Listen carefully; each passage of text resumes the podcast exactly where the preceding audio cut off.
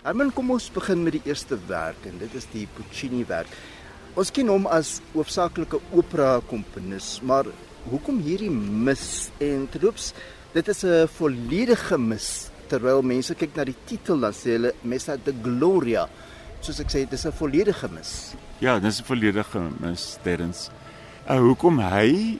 Ek dink hy word nie baie gereeld gehoor nie en ons het nou geleentheid om hom 4 keer te laat hoor hier in uh, Gauteng en in die Vrystaat.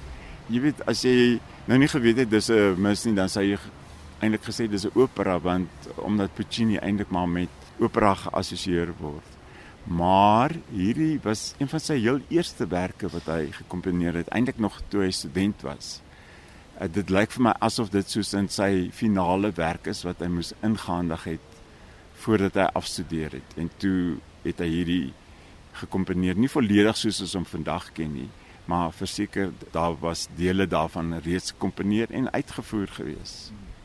Uh, dit is vir die eerste keer in 1880 dan nou opgevoer en nooit weer daarna nie tot in 1952.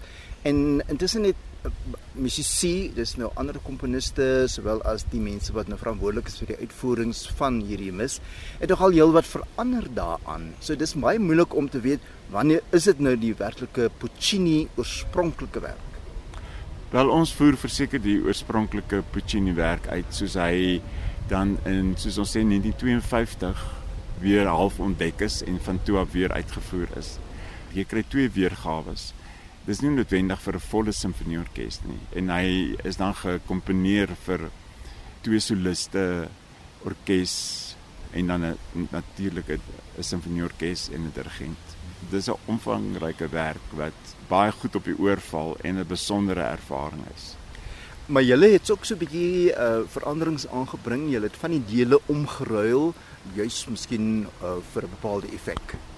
Ja, die effek is eintlik maar dat die laaste gedeelte van die Puccini eindig eintlik op 'n vreeslike sagte noot. En ons het besluit dat die ons liewes met die Gloria gaan eindig. Wat 'n baie finale en 'n omvattende finale is vir 'n werk. So, ons het ook twee omgeruil en die dirigent en die leier van die koor het heeltemal ingestem dat dit 'n goeie plan is dat ons dan met die Gloria eindig wat uh, ek dink almal baie gaan geniet. Herman, ons praat ons so oor die uitvoering en jy het nou genoem dat dit werk is vir twee soliste, uh koor en orkes, maar wie is van die kunstenaars wat gaan optree? Terwyl soos jy weet, is altyd belangrik wie dirigeer die goed. En ons is baie bevoorreg dat Daniel Keet dit gaan dirigeer.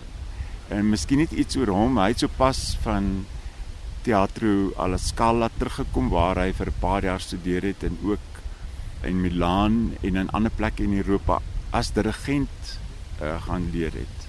So hy was vir 6, 8 jaar daar gewees en hy's nou so 'n jaar of wat terug en hy is ons dirigent vir die vier uitvoerings wat ons hier in die Vrystaat en Gauteng gaan doen. En dan die koor dirigent is Gideon Els Gideon Els is eintlik 'n professor in wiskunde en rekenkunde aan die Universiteit van Johannesburg, maar hy het 'n baie groot liefde vir klassieke musiek en koorleier. Hy's ook nou onlangs verkies as voorsitter van die Suid-Afrikaanse Kerkorgeliste Vereniging. So Gideon was eintlik so half die vlammetjie gewees hiervoor en toe het ons so 'n paar goed begin bymekaar trek om nou te besluit goed ons gaan dit doen en dis hoe ons dit gaan doen. En dan ook die orkes wat gaan speel is die eerste keer wat hulle gaan speel. En hulle gaan dan onder die leiding van Daniels bekend staan as die Boabab kamerorkes. En hulle sal in die vervolg so bekend staan. En die idee van die orkes is om nie 'n vaste grootte noodwendig te hê nie en nie noodwendig uh, simfoniese werke net te doen nie, maar soos benodig sal die orkes groei, bietjie kleiner word, bietjie groter word. Ons kan stemme bysit of 'n koor. Ons het selfs met die Odeon strykkwartet 'n gesprek gevoer en as hulle wanneer hulle tyd het en hulle kan, dan sal hulle ook bykom om hierdie orkes bietjie meer uh, lyf te gee en die idee is ook terwyls dat mense nie net die ding op een plek doen nie. Ek het 'n kleintjie dood daaraan dat 'n ding met soveel moeite en geld voorberei word en dis regtig baie voorbereiding. En dan voer jy hom net een keer uit. So ek is baie bly dat ons nou kan sê ons doen dit nie net byvoorbeeld in die Etienne Rousseau teater nie, maar ons vat dit Pretoria, Johannesburg en Benoni toe. En dan ons gaan nou-nou by die ehm um, datums kom en hoe laat en so voort, die verskillende lokale. Maar kom ons gaan gou na die tweede werk toe. Dit is die Beethoven en dit is die koraal fantasie. Nou hy het dit op 'n redelike jong ouderdom gekomponeer en uh dit was nogal eksperimenteel vir daardie tyd om nou byvoorbeeld sangers te gebruik sowel as 'n koor. Maar dit was ook by 'n baie spesiale geleentheid waar dit vir eerste keer dan opgevoer was. Hy was 38 jaar oud, uh Beethoven toe hy dit gekomponeer het.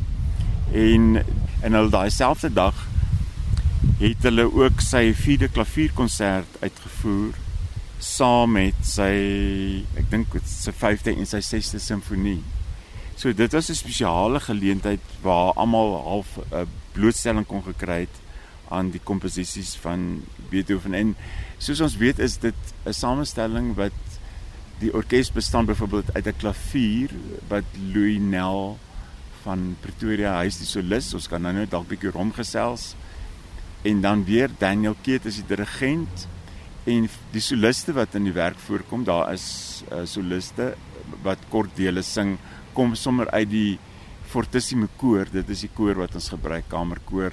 Maar dis 'n wonderlike werk jy weet en hy het mos nou in sy 9de simfonie het eintlik die tema herhaal. Ja, ek wil jy's 'n bietjie praat daaroor want dit is uh, word gesien as 'n voorloper tot sy tot die koraal deel van sy simfonie nommer 9, die finale. En daar's nogal ook heelwat ooreenkomste want dit lyk vir my hy het dieselfde tema gebruik wat gebaseer is op Schiller se gedig Ode Joy, die bekende Ode Joy of dan 'n Duits lied aan den Freude. Ehm um, so dis baie interessant om na die voorloper van 'n meer bekende werk wat ons later in sy lewe sou mee te doen kry om dit te hoor. Ja, en nou kan mense sê maar hoekom doen mense nie die 9de simfonie maar met die 9de simfonie het jy 'n volle simfonieorkes nodig met 'n groot koor. Hierdie is dieselfde in die sin van die tema is dieselfde, die mense sal dit ken, maar hy het so 'n uh, ek kan amper sê 'n aanvallige begin jy weet die klavier begin en dan kom die orkes later by en dan kom die koor by. Hy's maar 20 25 minute lank. En die boodskap is eintlik wat ons dan nou met Paase wil sê. En dis 'n baie klein ensemble wat speel. Dit is nie geskryf vir 'n groot orkes nie. En ek dink miskien daai tyd was het hulle gesê jong maar hierdie ding vra vir groter klanke. En het Beethoven dalk besluit om dit vir in sy 9de simfonie in te werk. Net vinnig weer wie se kunstenaars wat gaan optree? Dit is dan nou Louis Nel, kom ons begin by hom. Hy is 'n baie jong pianis van Pretoria. Hy is die pianis vir die Beethoven werk en ons baie bly hy kan speel. En die twee mense dan nou wat in die Missa di Gloria die soliste gaan wees. Dis twee mans. Dis Beneo Modiane en Doue Buikersma tree as soliste op. En die ander soliste wat dan by die Beethoven ter sprake kom, soos ek sê, kom uit die koor uit. Net die opvoerings daar, soos jy nou vroeër genoem het, gaan vier opvoerings wees van hierdie program, verskillende lokale, verskillende plekke. Die eerste uitvoering is op die 2de April. Ons het dit nou maar in die maand van die Paase gedoen. 2de April, dis 'n Sondagmiddag 3uur in die NG Kerk Jubilate in Benoni en mense kan plek bespreek by ertickets.com. Dan die tweede uh, uitvoering terrens is op die 16 April. Tussenin is Paasnaweek. So ons doen Paasnaweek dan nie iets nie. Maar die volgende naweek, die 16de, dan is die uitvoering in die heerlike saal van Afrikaanse Hoërseunskool in Pretoria. Dis die oggend 11:00 en dan selfde middag 4:00 is die uitvoering in Sasselburg in die Etienne Rousseau teater en die kaartjies is ook by ertickets.com En dan die laaste uitvoering is in Johannesburg in die Linder Auditorium wat 'n baie lekker akoestiek het vir die tipe van uitvoerings. Dis op Sondag 23 April ook 3:00 die middag in die Linder Auditorium en die kaartjies is ook by ER Tickets, maar ek moet net sê dat Ticketpro verkoop die kaartjies vir Pretoria. Herman van die Kerk, dit lyk na 'n lekker interessante program. Ek dink vir so spesiale geleentheid hier in die maand van die Paase is dit heel gepas om die tweewerke daar te hê. Herman is die programdirekteur vir hierdie tweewerke dan wat op die vier verskillende plekke uitgevoer word. Die datums, ek dink miskien moet 'n mens net na julle Etienne Rousseau teater webblad toe gaan want ek dink daar is al hierdie detail is daar. Dis korrek. Ons het ook 'n spesiale Facebookblad geskep vir die uitvoerings van die Puccini.